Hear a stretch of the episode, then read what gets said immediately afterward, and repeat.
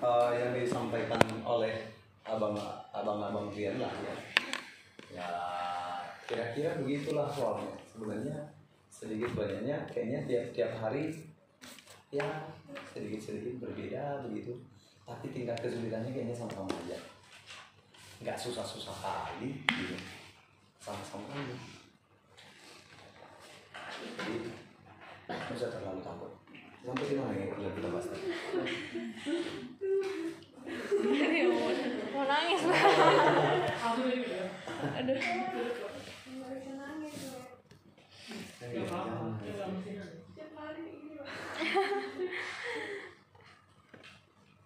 Genetika udah tahu lah ya. Ada tadi per- jadi dari dari apa topik kubandingkan dari tiap hari ini kayaknya nggak nggak nggak jauh beda kok. Nggak dan nggak ada juga yang luar biasa soalnya. Nggak ada yang luar biasa ya. Nah, dengan kalian menjawab soal seperti ini ha- seperti hari-hari biasa juga nggak ada yang yang luar biasa susahnya atau kayak gimana gitu ya. Nah, perbedaan prokaryotik dan eukaryotik tahu kan? Udah tahu lah kan? bedanya eukaryotik prokaryotik udah tahu lah ya yang mana eukaryotik yang mana prokaryotik yang pastinya prokaryotik belum mempunyai sistem endomembran belum punya organel kecuali siapa ribo Ribosom. ya Nah, memang ada pembentuk energi tetapi itu namanya mesosom bukan? Bukan. mitokondria begitu ya? Kemudian dia bisa berfotosintesis tapi dia hanya punya membran tilakoid tidak punya kloroplast kan? Begitu begitu kan ada ribosomnya ada sitoplasmanya ada DNA dan RNA-nya jadi ada empat yang mem- membuat dia ada empat kesamaan yang yang pasti di dalam satu sel hidup itu. Satu pasti punya membran yang kedua pasti punya sitoplasma. Yang ketiga pasti punya asam nukleat DNA dan RNA dan yang keempat adalah pasti punya ribosom. Itu sudah pasti. Ya.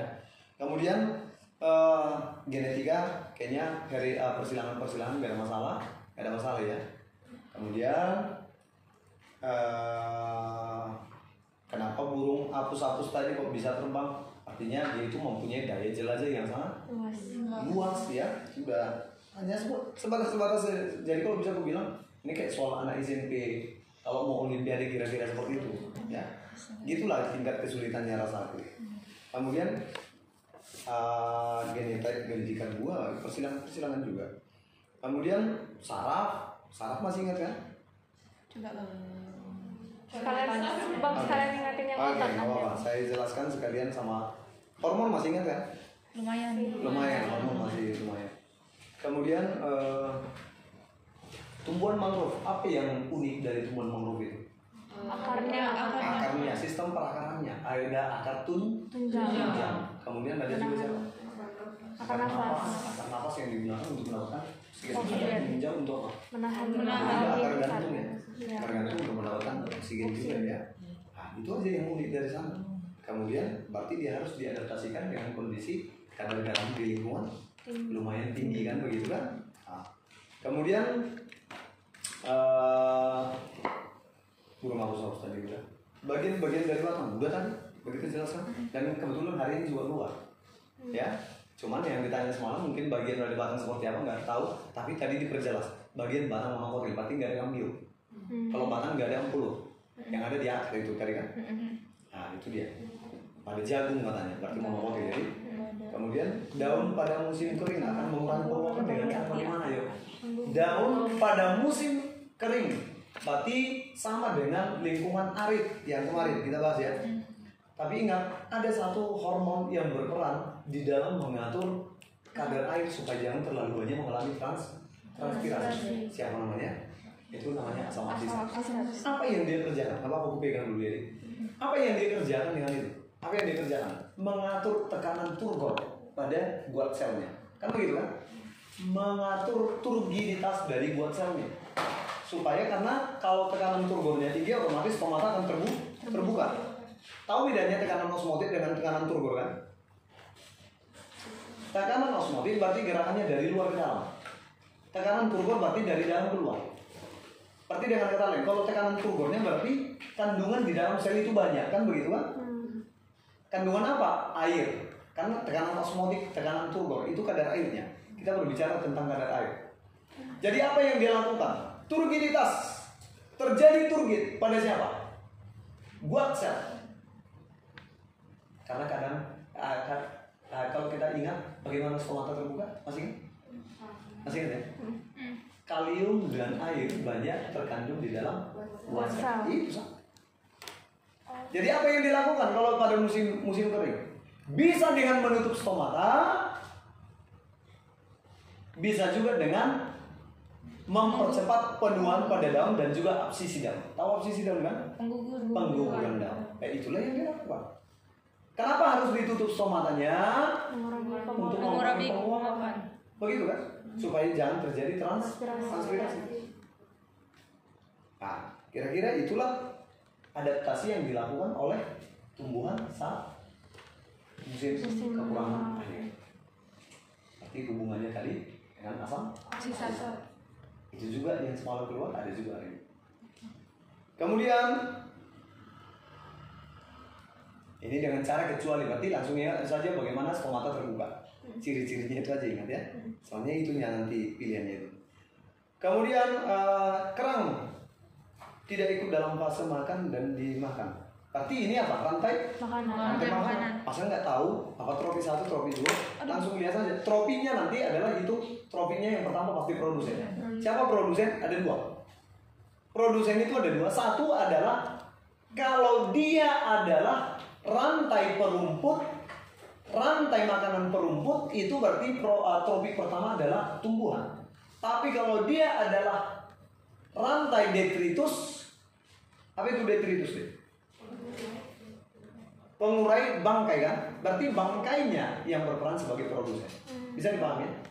Contoh, apa contohnya bang? Contoh, ada bangkai entah apa lagi, tapi ada yang namanya cacing. Cacing kan detritivore. Iya. Hmm. Berarti bangkainya sebagai produk, Ah, cacingnya sebagai tropi Konsum. satu. Ya, konsum. konsumen satu itu kan. Cacingnya nanti dimakan ayam, ayamnya dimakan ular, ularnya dimakan. Tapi itu juga nanti akan terjadi perputaran lagi kan. Iya. Tapi enggak. Yang namanya rantai detritus berarti rantai tropi paling bawah itu adalah bangkainya. Tapi kalau rantai perumput berarti yang paling bawah itu adalah tumbuhan. tumbuhannya. Bisa kamu sampai situ ya? Oke lanjut. Berarti ah, paling sekitaran rantai makanannya yang ditanya. Dengan kata lain, biologi lingkungan selalu ada. Kemarin bioma. Sekarang ini rantai makanan. Itu kan biologi lingkungan. Enggak ada yang aneh dari situ kan? Enggak ada yang begitu wah soalnya. Udah tahu ya rantai makanan kan? Kumpulan dari rantai makanan apa namanya? Jaring. Jaring makanan. makanan. Ya. Kemudian eh pencemaran, pencemaran. Kalau pencemaran udah tahu kan? Kalau pencemaran udara, pencemaran air, pencemaran tanah, dampaknya apa? Jadi sebenarnya contoh adalah logam berat. Logam berat itu itu yang bilang tadi terjadi akumulatif. Logam berat itu nanti di dialirkan dari limbah-limbah industri rumah atau industri eh, rumah sakit itu dibawa ke sungai. Jadi sebenarnya itu di terkontaminasi di air, terkontaminasi logam berat. Jangan pula kau makan ikan dari sana. Ya, karena itu nanti terakumulasi di dalam tubuhmu. Memang yang diwariskan samamu kalau dia aliran energi hanya 10% Karena ini bukan energi. Energi ini polutannya Polutannya, iya. polutannya yang dikasih samamu. Berarti terkumpul semua. Udah dia terkontaminasi kau makan lagi 10 ikannya. Ya makin ngumpul lah sama dia bukan hanya sekali berulang-ulang makin masuk ke dalam tubuhmu. Ya.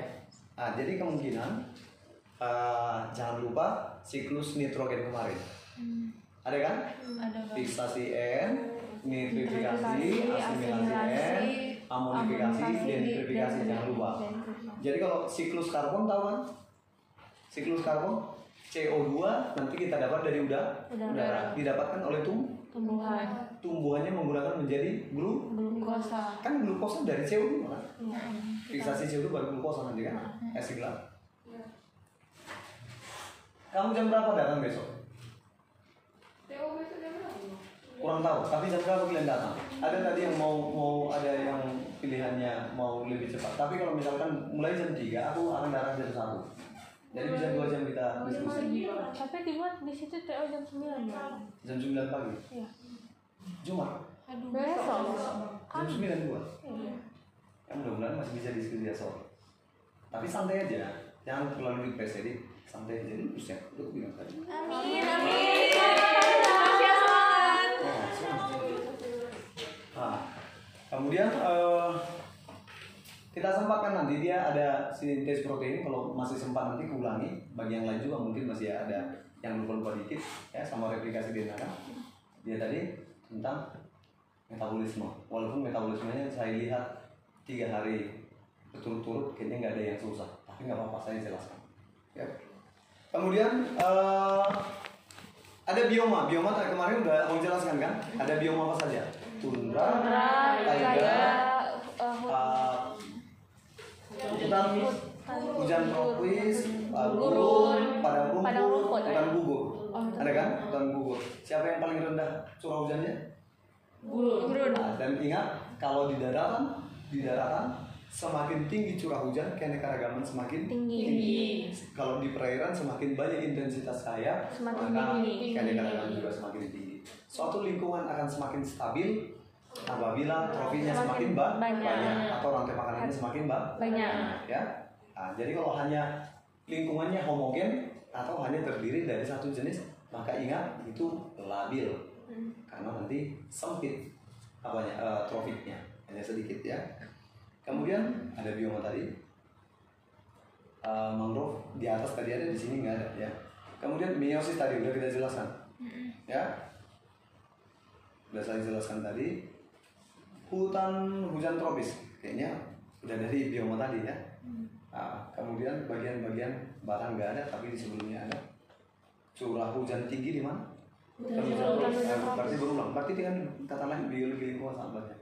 Yang kayak gitu-gitu aja semuanya nggak ada nggak ada yang begitu harus seperti ini membahasnya nggak harus seperti ini nggak nggak ada juga tapi kalau sempat nanti kita bahas. Kemudian eh prokaryotik nggak ada. Kemudian apa lagi? Ada tadi kirim kan? Cuma Oh fotosintesis ada di sini di yang dari klien sih. Yang dari klien ada fotosintesis ya. Fotosintesis jadi pas berarti masih sempat kita bahas ya. Aku bahas kan sebentar nggak apa-apa ya? Nggak apa-apa ya? Oke bila. Cuma ini. Yang bencot-bencot di siapa kawan dia yang bencot? Bang. Kami selama yang juga bencot, ikut. Bencot. Iya. Berat. Terna, Teresya Eh, jangan kayak gitu lah nggak suka. Terna. Oke. Ayo perhatikan. Jadi yang namanya fotosintesis yang namanya fotosintesis ya fotosintesis reaksi yang pertama adalah reaksi terang yang kedua adalah reaksi gelap ya. Reaksi terang. Reaksi terang ya. Reaksi terang ini nanti terdiri kalian kalau kita lihat reaksi umumnya gimana nih? CO2 tambah H2O menghasilkan CH12 tambah O2 sebenarnya pernah ada soal seperti ini? Sangat sederhana. Sangat sederhana CO2 sebagai sumber apa katanya? Sumber karbon lah karena yang terbentuk nanti glukosa. Senyawa organik. Apa itu senyawa organik? C. Karbon. Yang mempunyai unsur karbon. Yang punya unsur karbon semua itu namanya senyawa organik kecuali CO2 cuma CO2 yang senyawa anorganik yang punya unsur karbon. Kemudian H2O sebagai sumber apa nih? Oksigen. Oksigen. Maka kebalikannya juga, maka kalau glukosa digunakan pada suatu suatu reaksi, maka glukosa ini sebagai sumber apa? Pelepasan CO2. Ya udah sama saja. Respirasi. Maka dengan kata lain, oksigen menerima elektron akan dibentuk H2O. Itulah sistem transfer elektron waktu respirasi. Berarti dengan kata lain, kebalikannya aja. Kebalikan dari fotosintesis adalah respirasi. Tapi respirasi air jadi. Ya. Maka kalau kita lihat dalam reaksi ini pasti dibutuhkan apa? Klor, klorofil. Pasti dibutuhkan en, enzim sebagai biokata katalisator. Bagian dari enzim yang terbuat dari protein itu apa namanya? Apo enzim. Enzim tersusun dari dua. Apo enzim itu protein. Yang kedua gugus. Gugus prostetik. Jangan lupa karena dari kemarin kuliah tidak ada enzim. Hati-hati. Ya, hati-hati. topiknya masih sama, tapi yang ditanyakan beda-beda. Ya. Kemudian apa enzim terbuat dari apa? Itu dari protein. Ini non protein. Tapi gugus prostetiknya ada dua. Senyawa organik dari vitamin namanya koenzim. Itu vitamin, senyawa organik. Kemudian ada juga dari mineral. Berarti namanya apa? Faktor. Jadi kalau aku bilang, kamu butuh zat besi nggak dalam tubuhmu? Oh butuh. Sebagai apa? Sebagai kofaktor. Butuh nggak magnesium? Butuh sebagai kofaktor. Butuh nggak logam yang lain? Butuh sebagai kofaktor. Butuh nggak yang namanya vitamin? Butuh sebagai koenzim. Apa itu koenzim? Itu bagian dari enzim. Jadi kalau aku enzim tambah gugus prostetik itu namakan itu sebagai holo Holoenzim. Bisa diingat sampai situ? Maka dengan kata lain dibutuhkan nggak enzim dalam setiap reaksi? Butuh karena dia berperan sebagai biokatalisator. Apa yang dimaksud dengan biokatalisator? Biokatalisator mempercepat suatu reaksi, tetapi tidak ikut bereaksi. Enzim apa di mulut kita? Pedialin. Itulah enzimnya. Siapa yang diubah pedialin? Apa yang diubah pedialin? Amilum menjadi menjadi glu- glukosa. Pertanyaannya, amilum itu siapa? Yang diubahkan. Itulah substratnya. Apa produknya? Glukosa. Itulah produknya. Kan begitu. Maka enzim harus bekerja sama dengan substrat untuk menghasilkan produk. Begitu kan? Maka bisa nggak enzim pedialin mengubah protein? Tidak. Bisa nggak kunci motorku ini untuk menghidupkan mobil? Tidak. Karena spesifik, Spesifik. bersifat khas. Suatu enzim hanya dapat bekerja pada substrat tertentu. Itu ingat. Maka dengan kata lain, enzim bersifat khas. Enzim dapat bekerja dengan cara menurunkan energi aktivasi. Masih ingat kan? Energi aktivasi atau EAK, gitu kalau di fisika ya. Energi aktivasi itu harus diturunkan dulu baru enzimnya bekerja. Kalau dia masih naik nggak mungkin enzimnya bekerja. Begitu. Ya. Kemudian dia bekerja bolak-balik. Enzim tambah substrat hasilnya kompleks enzim substrat.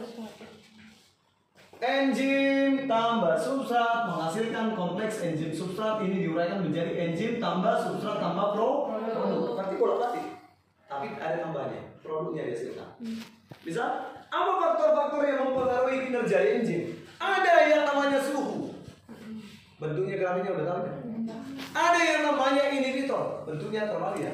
Kalau dia konsentrasi enzim semakin ke atas, berarti berbanding lu lurus.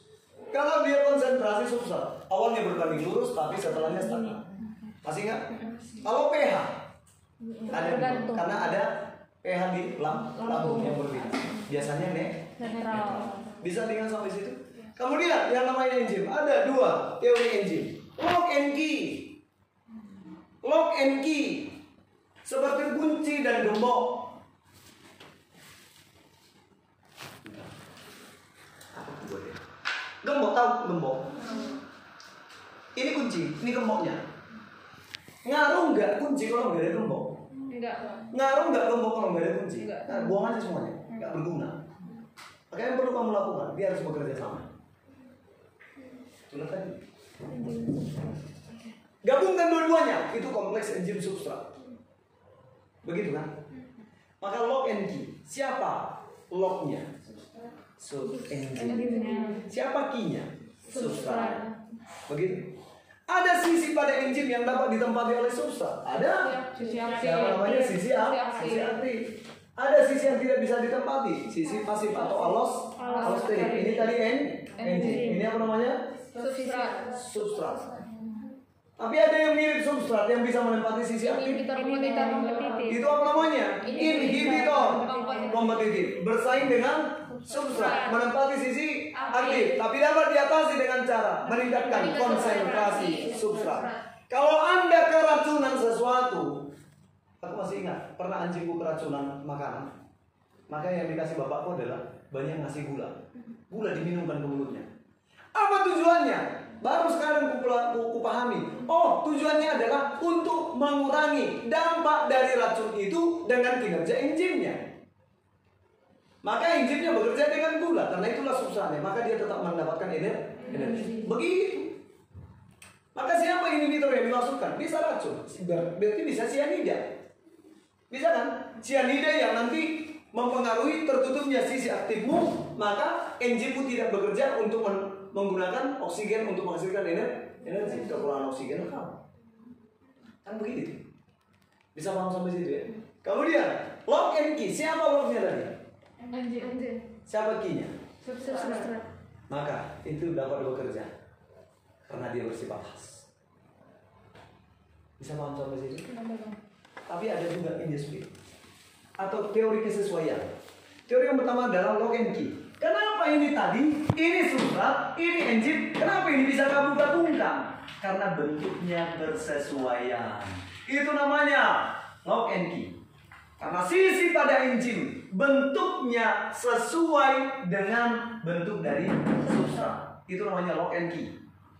Maka kalau bentuknya nanti kayak gini si substratnya bisa. Oh bisa menurut teori induce induce fit, induce fit. Maka engine akan merubah bentuk dari sisinya untuk menyesuaikan bentuk dari sub substratnya. Itu namanya teori kesesuaian. Jadi teori engine tadi ada dua, teori lock and key, Rotenki kesesuaian. teori kesesuaian atau induce fit. Bisa paham sampai situ? Bisa paham ya? Oke lanjut, kita kembali ke sini. Berarti dibutuhkan nggak engine? Oh butuh dong. Sebagai biokatalysator, apa tadi biokatalysator? Mempercepat reaksi. Bereaksi. Kemudian bekerja dengan cara menurunkan energi Energi dan sifat khas apa tadi atau spesifik hanya dapat bekerja pada substrat Tertentu. Kemudian dipengaruhi oleh suhu, pH dan lain sebagainya, bisa. ya. Kemudian bagian-bagiannya ada apa enzim? Dari protein. Protein. Ada non protein? Gugus protein. Gugus prostetik ya. Iya. Apoenzim tambah gugus prostetik apa namanya? Koenzim. Gugus prostetik ada dua koenzim dan kofaktor. Koenzim terbuat dari vi- Vitamin. Kofaktor dari Mineral. Bisa paham sampai sini? Kita kembali ke sini. Di reaksi terang, pastinya dibutuhkan kloro, klorofil. Maka klorofil nanti digunakan unit pada klorofil, unit pada klorofil yang digunakan untuk mengikat cah- cahaya.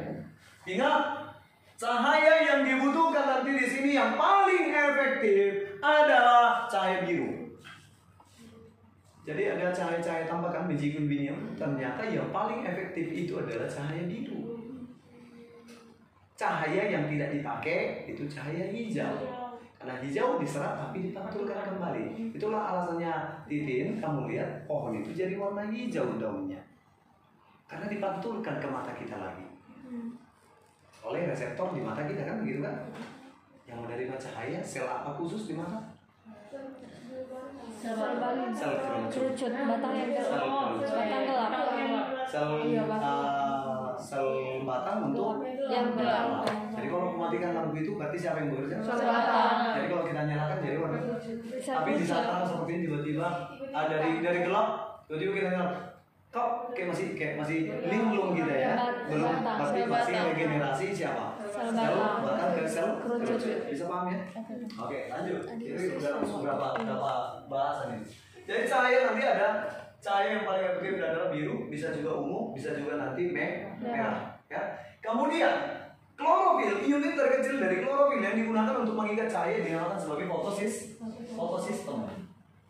Fotosistemnya itu di, itu adalah bagian terkecil dari si klorofil yang digunakan mengikat ca- cahaya. Begitu ya. Ah, jadi kalau fotosistem itu nanti ada dua, fotosistem satu, fotosistem dua, tergantung panjang gelombang. Panjang gelombangnya berapa?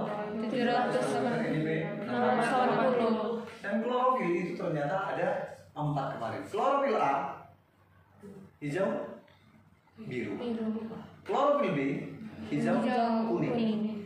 Klorofil C hijau coklat. Klorofil D hijau merah. Ya, jadi tapi yang digunakan untuk tumbuhan biasanya A dan B. B. Itu yang banyak. Bisa untuk fotosintesis.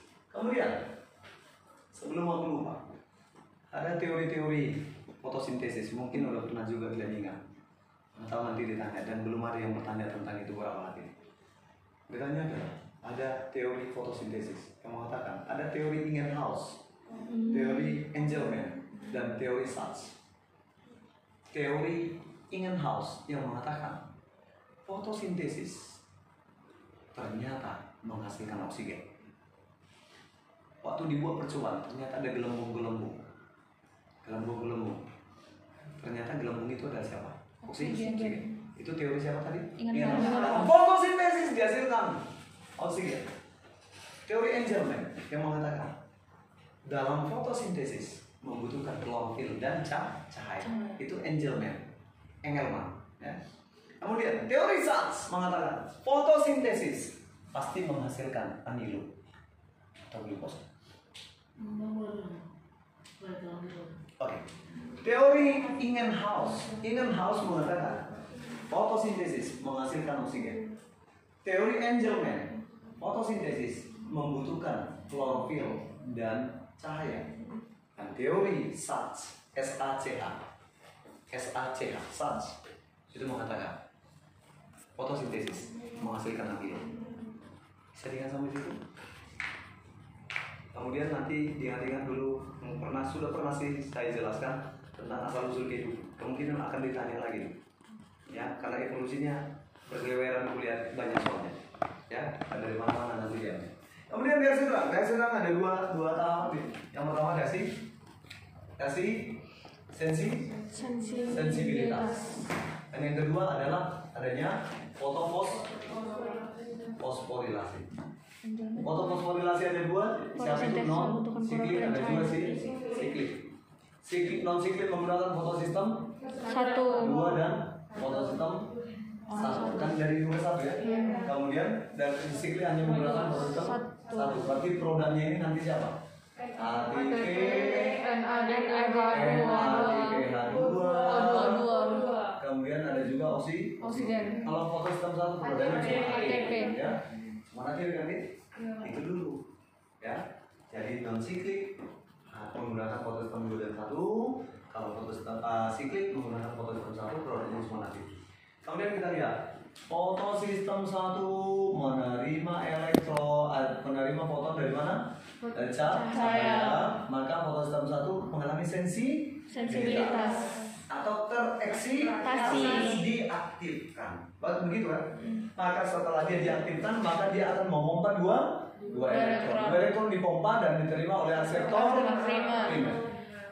sampai di sini bisa paham kemudian uh, elektron yang sudah diterima oleh akseptor primer dibawa oleh siapa? Peredoksin peredoksin bawa ke mana? Enzim NADP plus redukase ini nanti menggunakan elektronnya untuk membentuk NADPH2. Elektron yang terdapat pada NADPH2 berarti itu dipindah-pindahkan dari mana? Fotosistem satu. Siapa pembawa elektronnya? Peredoksin. Siapa enzim yang digunakan membentuk NADPH2? NADP plus redukase. Itu enzimnya. Bisa sampai di situ? Kemudian sekarang posisinya kekurangan elektron siapa? Fotosistem satu. Maka diperlukanlah fotosistem Dua. Yang sebenarnya sebelumnya fotosistem 2 ini sudah terlebih dahulu menerima ca- Cahaya.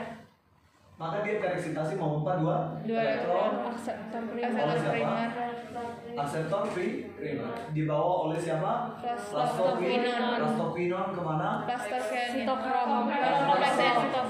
Dari kompleks sitokrom Plastoquinon. digunakanlah memenuhi kekurangan elektron di fotosistem Satu. tapi di sini terjadi pemindahan elektron kan dek ATP. atau pemindahan elektron transfer elektron Elektron. maka ada istilah pos Fosforilasi. jadi kalau aku bilang apa yang sama dengan fosforilasi transfer elektron Hanya yang sama ada pemindahan elektron apa produknya? Ya ATP produknya nanti ATP ini.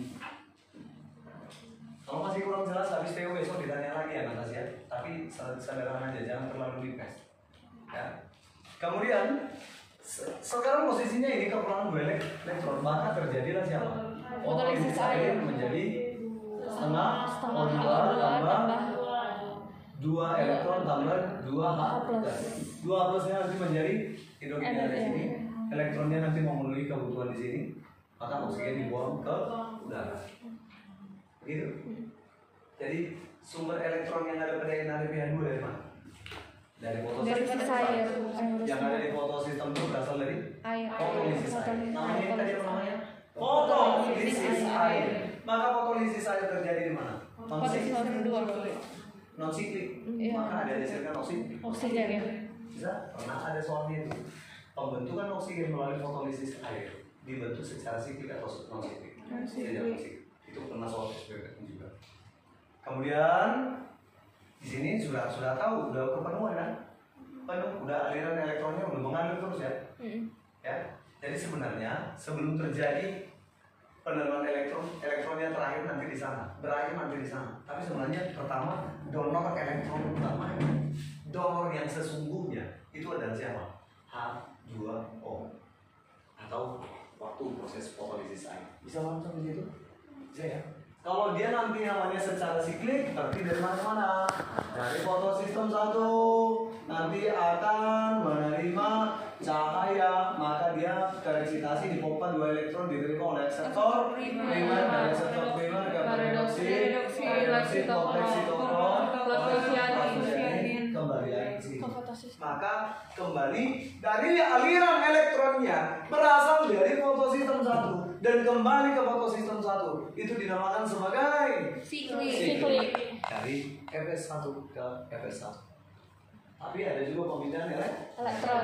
Produknya di sini adalah ATP. Bisa terlihat sampai di sini? Amin. Bisa ya? Bisa. Alhamdulillah. Ya. Kemudian, berarti di mana reaksi terang adikku? Grana atau tilap. Atau tilap? Tilakoid. Tilakoid. Ya. Grana atau tilakoid. Berarti apakah ada pembentukan ATP karena pompa elektron? Ada. Maka eh pompa elektron. Pompa proton atau pompa hidrogen? Ada. Nama enzimnya siapa pembentukan ATP ini? ATP. ATP sintase. ATP sintase. Waktu membentuk ATP ya? Jadi kalau pemakaian ATP apa istilahnya nih? Defosforilasi. Kalau pembentukan ATP Fosforilasi. Maka ATP itu dikatakan sangat labil. Kenapa labil? Karena dia sangat mudah menerima dan Melepas. melepaskan fosfor. Ya. Oke lanjut. Kemudian masuklah nanti prodanya berarti udah tahu kita. Apa saja prodanya tadi? Prodanya tadi ada ATP, NADP2, oksigen. Setelah dihasilkan ini, ini nanti di, dihasilkan dengan berarti tujuan utama dari reaksi terang adalah mengubah energi cahaya menjadi energi kimia. Inilah energi kimia. Tapi oksigen itu adalah produk samping. Masuklah ke reaksi Oke, dengarkan baik-baik, kamu tinggal jawab. Oke. Yang siklus Calvinnya di seludang pembuluh siapa nih? Siapa yang termasuk nih? Tebu. Tebu, jagung, graminai. graminai. Ya. Graminai. Yang terjadi pengikatan CO2 pada malam hari siapa nih? Cap. Kenapa harus jam? Kenapa harus malam hari? Panas. Terlalu Iya, panas. Terlalu panas. Lingkungannya sangat eks. Ekstrim. Ya, maka dia harus mengurangi penguap. Penguapan. Akan adaptasi yang dia lakukan dia harus mengubah Daunnya. mempersempit siapa? Daunnya, jadi duri. seakan-akan dia punya du Duri. Soalnya durinya yang kita masukkan itu adalah daun. Mm. Jadi bukan duri, itu adalah daun. Kemudian membentuk epidermis berlapis-berlapis. Kenapa berlapis-berlapis otomatis stomatanya semakin sedikit dong? Iya. Karena hanya di satu lapis itu nanti stomata. Kemudian apa adaptasi yang dilakukan oleh si tumbuhan uh, cam tadi? Berarti bisa juga nanti bahkan kalau dia punya daun, dia itu nanti mempunyai banyak trikoma. Hmm. Tahu trikoma ya? Hmm. Rambut-rambut halus itu nanti untuk mempersempit, mempersempit ruang dari stok Stomata. Bisa ya? Oke. Kemudian ada juga semakin tebal juga siapa? Kuti Kutikula. Apa kutikula? Lapisan lapisan lilin. Lapisan lilin. Tahu talas? Seperti air di dalam talas. Tahu talas? Sisil? Tahu kan? Pernah kau jatuhkan air itu nanti akan nggak nggak tetap, iya. nggak dia. Kenapa?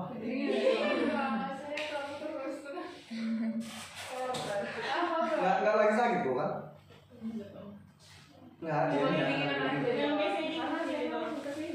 Oh. Isinya aja. Oke, itu dia. Kemudian eh, dengarkan baik-baik. Siapa yang lingkungannya kaya akan CO2 CO2 deh? C3. C3. Siapa yang termasuk C3 deh? Tumbuhan. Tapadi, tapadi. Ada juga ya. Kemudian eh, siapa yang mampu mengikat oksigen dan CO2 secara bersamaan deh? Abang nanya apanya? Fotorespirasi mampu mengikat oksigen dan CO2 secara bersamaan. Tapi nanti harus berebutan dia mengikat CO2 atau oksigen itu namanya fotorespirasi Fotorespirasi. hanya tumbuhan C3 Oke. maka yang mampu melakukan itu siapa? R RUBB.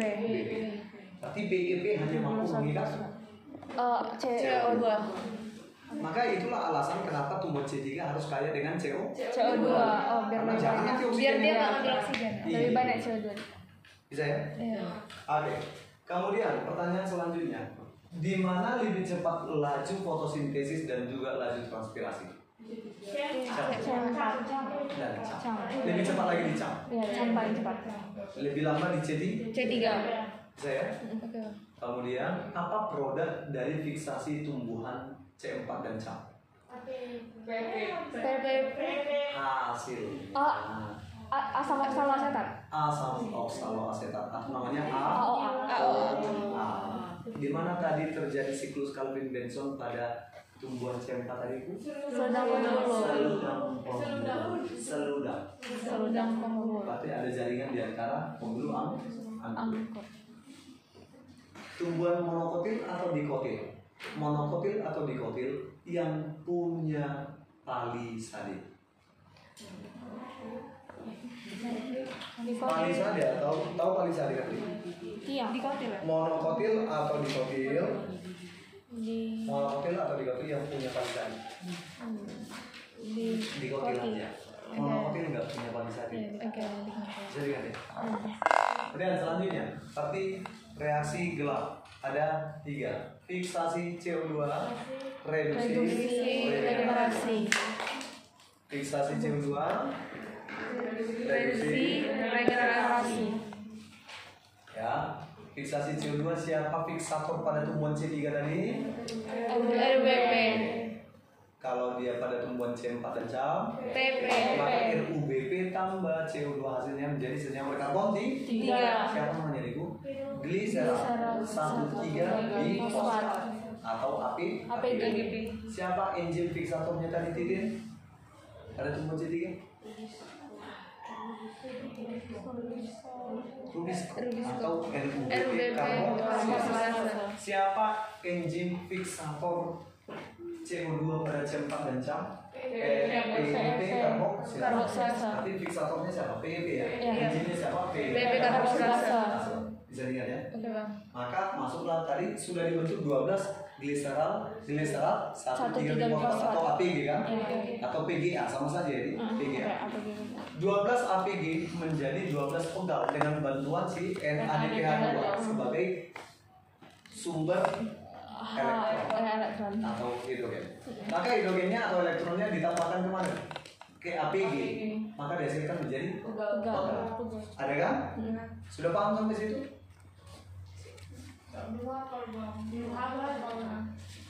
Sederhana. Sederhana gitu. Reaksi gelap. Reaksi gelap nanti nanti aja dulu uh, bagaimana apanya ya. Tapi ini dulu di awal. Yang pertama ada tadi fiksasi CO CO2. Yang kedua redu reduksi. Yang ketiga regener Regenerasi. Gitu dulu dia. Bisa atas ya. Setelah ini kamu ingat deh, berarti udah gampang deh. Kalau fiksasi siapa fiksatornya tadi pada tumbuhan C3? Itu perwakilan. R U B P tambah CO2 kan mengikat. Gitu ya.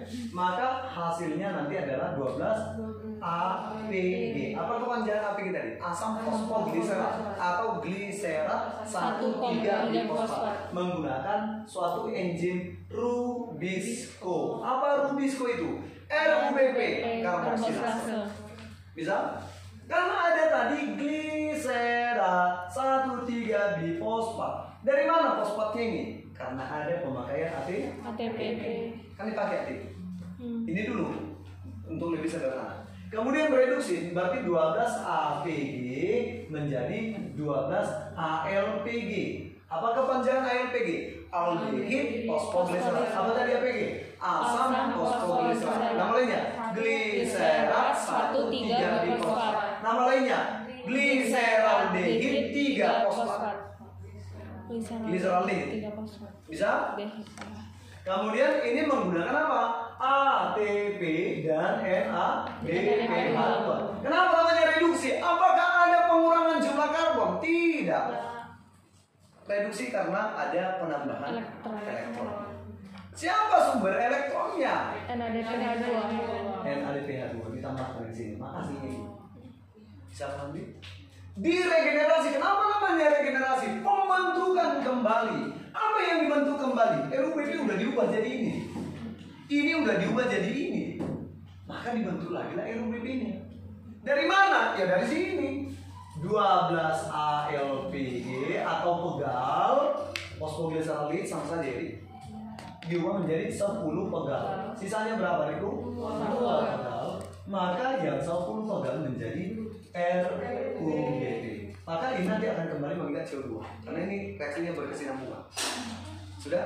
Maka pegalnya dua pegalnya menjadi apa? Menjadi C6 H12 O6 mengenai polimerase menjadi amin Amino kan udah dipakai NADPH2 nya tadi Natasha elektronnya udah dipakai kan di hidrogennya udah dipakai kan? Berarti sisanya nanti apa? NADP plus. Gitu kan? Hmm, sudah dipakai tadi ATP nya kan di hmm, Jadi ADP berarti tinggal AD ADP. gitu kan? Maka dipakai yang dua ini juga produk dari reaksi gelap. NADP plus ADP glukosa itu produk dari reaksi gelap tapi yang dua ini dikembalikan ke reaksi Reaksi terang. Maka dia menerima elektron menjadi NADPH2 ADP-nya mengalami fosforilasi apa fosforilasi itu Penambahan fosfat. maka didapatkan menjadi ATP ATP Sedangkan glukosanya dipolimerasi, disimpan, diperbanyak, dikomplekskan menjadi amin. Amino. Itulah yang kau makan dalam biji. Bisa paham nih? Sama-sama fotosintesis. Jadi nggak ada yang susah di situ. Di mana reaksi gelap ibu? Stroma Apakah stroma mengandung klorofil? Tidak Tidak, ngapain? Iya Tidak Orang dia butuh nggak butuh nggak nggak Gak butuh cahaya. cahaya Karena juga reaksi gelap. Kan begitu kan? Mutasi belum kayaknya belum ada ditanya-tanya juga. Hati-hati. Ya. Dan mutasi sebenarnya paling itu itu juga yang yang kita kita bahas itu juga. Amino Nggak jauh jauh ya. Kurang oksigen Pulang nomornya bang. Hmm? Kurang oksigen. Apanya? Nomor mutasinya tuh bang yang. Oh yang Saya- yang Oh. atau itu itu bang Oh bisa bisa bisa. Tubuh Pak Edward Dam kelamin Kak Kak Jeko Super Super turun. super turun. Oke, di kromosom kelamin nama lainnya siapa Deku? Gono? Gonosom. Pada gonosom? Ini pada auto? Autosom. Kromosom tubuh ya. Ini nomor 13, 14, 15, ini 16, 17, 18, 21 Berarti hanya berapa pasang itu nanti? 22 kan? Sampai nomor 22 ya sebenarnya. 22 A. Iya Jadi nggak ada 23 lagi. Ya oke Ya, 22 A. Ya. Kemudian berarti ini X, X, Y, X, Y, Y, X, X, X, X, 0 Maka semuanya ini adalah trisomi, kecuali turun. Turner Berarti monosomi dan trisomi dihasilkan gara-gara apa itu? Non-disjunction Saat kapan tadi? Anak satu, meiosis satu Satu meiosis satu. Bisa? Jangan lupa. Kemudian, jadi kalau mana tahu, pernah ditanya lu, pernah ditanya dibuat ciri-ciri dari sindrom ini. Mana tahu? Ya nggak tahu kita. Ciri-ciri Down syndrome. Tapi itu garis tangannya segaris loh. Segaris. Sudah. Kemudian jari-jarinya pendek. Tapi nggak usah ditengok kali kayak aku jadi. Iya Jari-jarinya Jari-jarinya pendek. Apalagi rahang bawahnya lebih maju. Hmm. Kemudian lidahnya besar. Itu eh, gitu dia ngomong. Oke. Eh, wuh. Ini karena lidahnya besar, rahang bawahnya ini lebih maju. Itu keluar kadang ngences. Wajah mongoloid, tapi nggak ada. Ini ada pula yang ngomong mirip orang Chinese itu maksudku. Tapi nggak ada Chinese. Kan- Karena sipit ya. wajah mirip. Itu jelas sekali Bataknya. Kalau ini sumpah. Jadi mak maksudku gini, eh, wajahnya mongoloid, jadi mirip semua. Maka dibilang kembar semua. Kemudian itu biasanya gerakannya lambat. Itu Down syndrome. Down syndrome. Tadi gerakannya lambat, ciri-cirinya udah, ciri fisiknya udah tahu ya. Wajah mongoloid berarti mirip kayak si fisik gitu. Ya. Cindo, cindo. Kalau yang patau itu gini, yang patau, yang patau itu sumbing, tapi bukan berarti sumbing. itu patau. Patau itu sumbing, tapi sumbing itu karena sumbing itu eh sumbing deh bisa karena patau, sumbing bisa karena diwariskan. Itu es kecil es kecil, autosom dan bersifat resesif. Sumbing juga bisa karena Ini benturan hamil. waktu. Iya. Ah. Hati-hati. Ya. Jadi patau itu tapi usianya singkat. Usianya singkat dan biasanya ini bisa laki-laki atau perempuan kan karena autosom kan. Iya pak Bisa. Tapi kalau dia perempuan, maaf. eh, klitorisnya biasanya ukurannya lebih besar. Hmm. Nah, itu Jadi kayak ada dua ah, kelamin. Jadi se- eh, sampai keluar dari organ kelaminnya. Jadi ukurannya besar. Dan ingat, klitoris itu an- ah, homolog dengan penis. ya itu homolog. Asal usulnya sama tapi fungsinya sudah berbeda ya. Jadi strukturnya itu nanti sama ya. Kemudian otot-ototnya juga sama. Ada otot ereksinya. Kemudian ada Edward. Edward itu biasanya eh, tulang lehernya besar. Kemudian dari telinganya telinganya kecil dan jelek turun ke bawah. Ya. Oke, kayak gajah.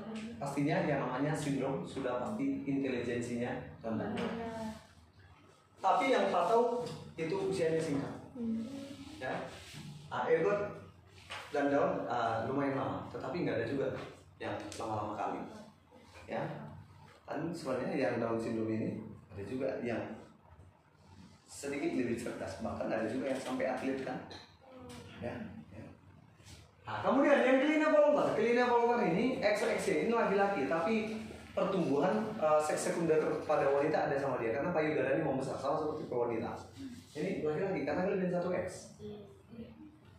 Kemudian uh, organ kelaminnya, kalaupun dia laki-laki kecil, sehingga kemungkinan mandul karena testisnya juga kecil. Ya. Kalau Jacob ini antisosial, jahat, agresif, kasar, kayak psikopat gitu. Tapi badannya besar, badannya besar. Itu uh, Jacob. Kemudian wanita super nggak bisa dibedakan, cuma agak lebih lambat. Ya. Kemudian yang turner, tapi akhirnya juga lebih rendah, subnormal. Kalau yang turner, turner ini, ini perempuan, tapi maaf seks sekundernya nggak berkembang, maka payudaranya tidak berkembang. Kemudian rahimnya kecil. Maka kalaupun dia menikah, kalaupun bertahan hidup, Mandul. itu mandul. Bisa lihat ciri-cirinya ya.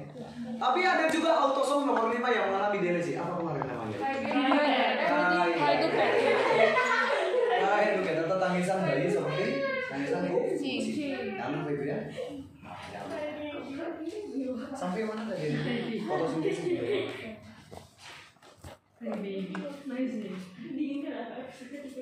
Fotosintesis tumbuhan. Tumbuhan kayaknya gimnospermia belum pernah aku jelaskan, tapi perbedaannya udah aku jelaskan. Udah kan? Bentar ya. Oh.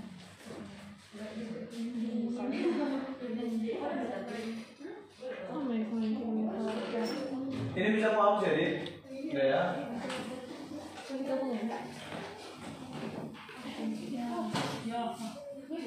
Eh, apa nanya nanya nanya ini, nanya nanya. Tumbuhan yang termasuk termasuk uh, kormopita siapa ya? Kormopita itu yang mempunyai organ yang lengkap. Yang punya organ lengkap mulai dari paru, gimnos, anios.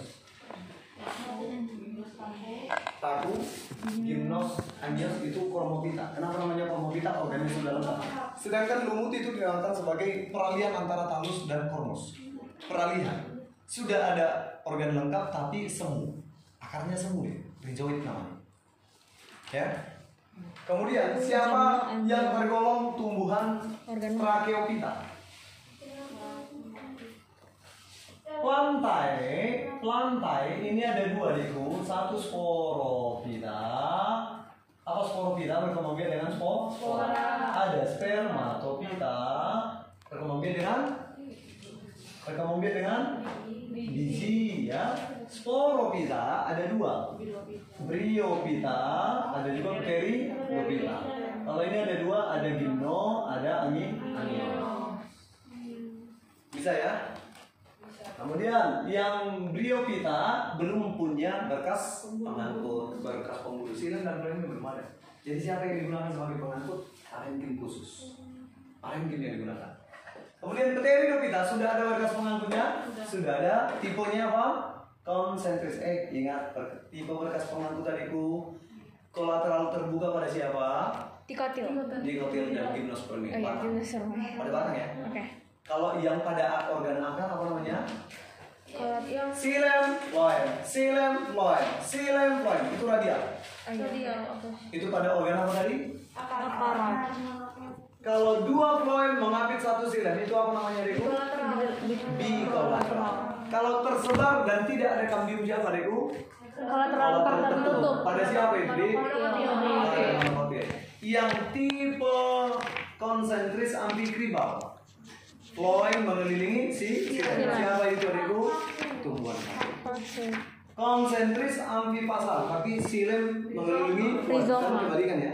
Rizoma dan juga sirtidil Oh iya, sirtidil. sirtidil dan juga rizoma. Ya. Kemudian perhatikan. Siapa yang sudah siapa yang belum mempunyai berkas pengangkut di sini dik? Rio kita tahu lumut maka dia disebut sebagai? Atrakeopita Oh. belum mempunyai berkas. Oh, atra. Trake. Atrakeopita. Berarti paku, gimno, anio disebut sebagai trakeopita, ya, trakeopita. Bisa ya? Kemudian di antara semuanya itu berarti yang paling sempurna anius lah ya. Iya. Alat perkembangbiakan pada gimno siapa ibu? Oh, ko- konus sama strobilus. Konus atau stro? Strobilus. Gua lagi gimnosnya ya. Di perbedaan itu ya. Ada kan? Dibagi bagi siapa yang belum menulis dibagikan. Jadi Oke, yang gimnosperme cirinya, ciri yang pertama perhatikan. Karena kalau saya tidak salah agak agak agak, agak gimana aja juga te- tentang tumbuhan ini ya. Perhatikan ciri yang pertama kita lihat dari alat repro reproduksi. Alat reproduksinya siapa? Riku strobilus nama lainnya siapa konus yang berbentuk seperti kerucut Kerucut. ya. Kemudian selain alat reproduksinya ada juga nanti ada tidaknya karpela. Tahu karpela kan, Dek? Daun buah. Daun buah. Berarti ada pembungkus dari bijinya itu maksudnya. Daun buah itu ada atau tidak? Tidak ada karena bijinya telanjang kan. Tidak ada yang membungkus kan. Kemudian ada nggak endospermnya? Endosperm apa tadi, Dek? bakal cadangan makanan. Cadangan makanannya ada yang nggak ada. Nggak ada kan? Mangga warna kuningnya itu endospermnya apel yang kita makan dagingnya itu endospermnya cadangan makanan yang dibagikan ke kita bukan untuk dia. Tapi ada cadangan makanan dalam kotiledon ada. Cadangan makanannya dalam bentuk apa? Di dalam biji itu? Amilum Lum. maka ada enzim alpha amilase yang dirangsang oleh siapa? Giberelin waktu in inhibisi. Masih ingat ya? Oke, jangan lupa. Endosperm ada nggak? Oh nggak ada. Ovarium ada nggak? Apa itu ovarium deh? Bakal buah. Yang tadi abang gambarkan di sana tadi. Ada nggak di gambar bunga sana ya?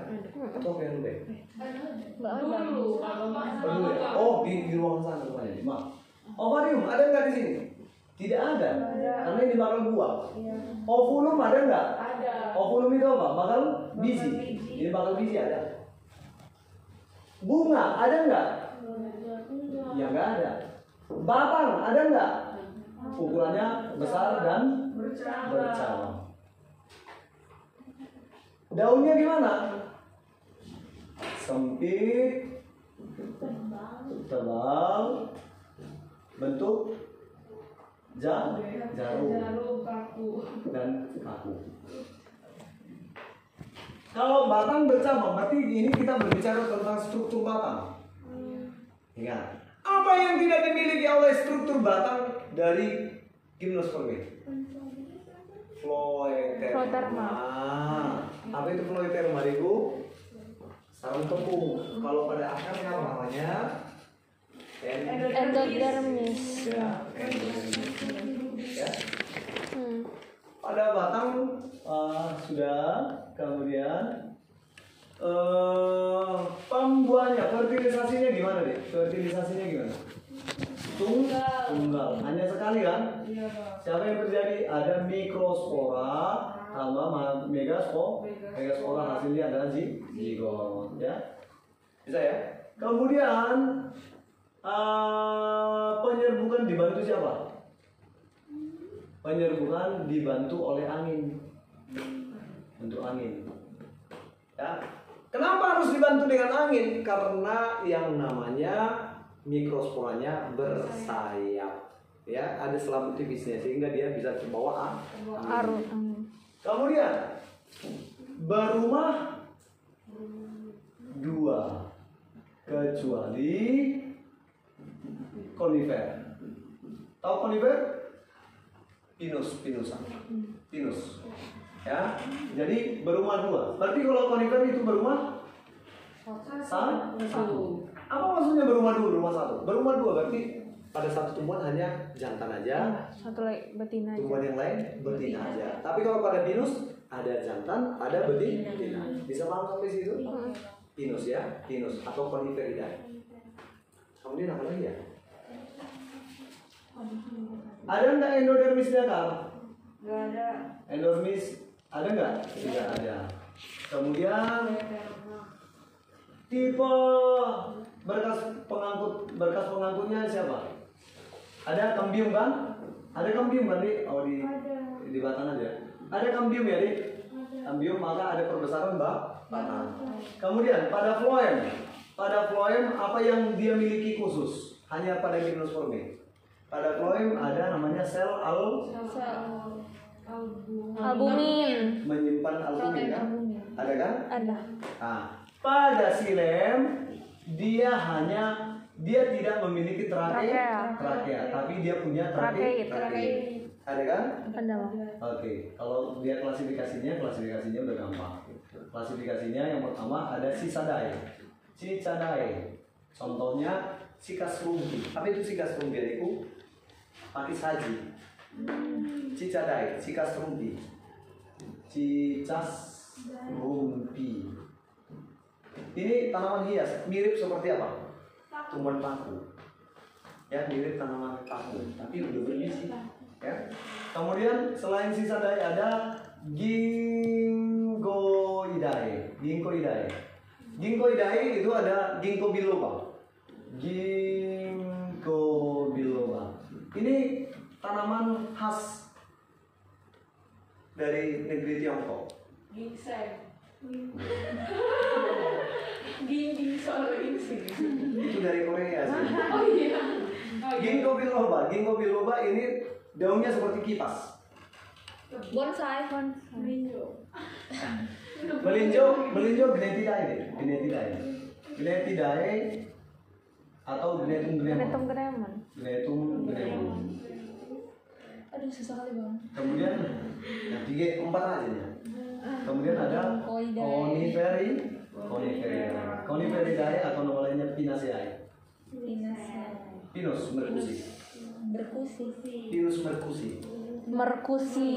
Pinus mercusi. Ini tadi tanaman obat-obatan, eh sorry, tanaman hias, obat-obatan. Ini dapat dimakan sebagai sayuran.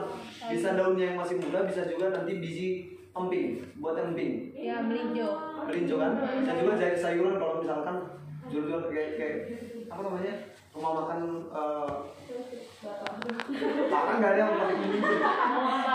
Rumah makan padang banyak itu. Buat melinjo yang masih muda. Sama kayak kacang dia kan. Kemudian coniferidae itu dapat digunakan terpenting getahnya. Tahu terpenting kan? Enggak bang. Terpantau. Peletup. yang digunakan untuk mengkilatkan kayu. Pernis. Iya.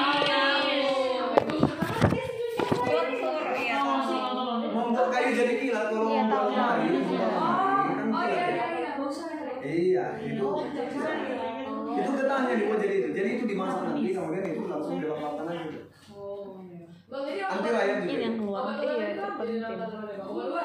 Ya ginkgo biloba. Ya khusus obat-obat Cina lah. Ya yang itu oh berarti nggak ada nama Ginkgo. Nama Indonesia Ginkgo biloba. Ya, enggak ada. Inisialnya Y. activated ginkgo. Oke bisa ya? Bisa sampai sini ya? Yes. Ini jangan lupa. Oke, yes. Ingat metagenesis dari lumut dan paku, jangan lupa. Metagenesis lumut siapa nih Bu? Ramazes. Kalau paku, Rakajit. Semua tumbuhan fase dominannya adalah Sporofit, kecuali lumut. Jangan lupa. Semua pembelahan meiosis pasti menghasilkan sel kelamin. Kecuali Lumut dan paku, Lumut ya. dan paku saat kamu membelah secara meiosis Spora, spora. Boleh? Eh.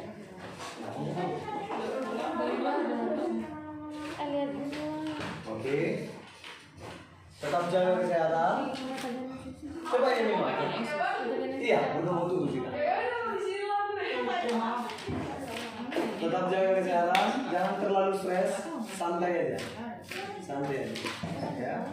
Tetap udah aku bilang kau sudah melakukan bagian. Kau melakukan bagian aja bagi masa depan. Takut. Ya. Makasih bang. Oke, mari kita berdoa. Mari kita berdoa. Terpujilah Engkau Tuhan, dan kami bersyukur untuk setiap berkat Tuhan atas hidup kami. Terima kasih apabila Tuhan masih mengizinkan kami dapat menikmati karya Tuhan yang sungguh luar biasa. Terima kasih untuk kesehatan. Terima kasih untuk kekuatan yang kau beri bagi kami. Pemeliharaan Tuhan sungguh sangat sempurna. Tuhan Yesus, Engkau tahu apa yang sedang dipikirkan oleh adik-adik kami di tempat ini. Dalam kegelisahan mereka, dalam ketakutan mereka, sebagai daging, kami sangat wajar untuk takut dengan apa yang terjadi di sekeliling kami. Bahkan dengan apa yang mereka dapatkan nanti di saat ujian tanggal 16, 17, maupun tanggal 18. Engkau adalah perisai kami. Tuhan adalah gunung batu kami, tempat perlindungan kami. Engkau adalah benteng yang teguh dalam setiap masalah-masalah kami. Tuhan, kami adalah anak-anak Tuhan. Adik-adikku ini adalah anak-anak Tuhan. Maka selayaknya lah mereka berada di dalam hatimu. Mereka adalah biji mata Tuhan. Engkau yang memberikan pertolongan. Dalam setiap pergumulan mereka. Dalam setiap apa pun yang menjadi kegelisahan mereka. Engkau Tuhan Yesus adalah jawaban. Bahkan di saat badai menggoncang di dalam setiap masalah, maka kami akan tetap memanggil nama Tuhan. Kami akan memperoleh kemenangan. Sebab engkau baik dan engkau sungguh baik. Darah Yesus yang akan menyucikan kami, maka kemenangan menjadi milik kami. Berkati adik kami dalam setiap pilihan mereka, di dalam setiap pergumulan mereka. Biarlah nama Tuhan kan permuliaan. Bahkan dari setiap jurusan yang akan Tuhan percayakan akan mereka dapatkan nanti. Karena kami tahu, kami mengimani, sungguh percaya kemenangan menjadi milik mereka. Karena kami punya Bapa yang sangat baik. Karena kami punya Bapa yang sanggup memberi lebih dari apa yang kami pikirkan. Karena kami adalah anak-anak.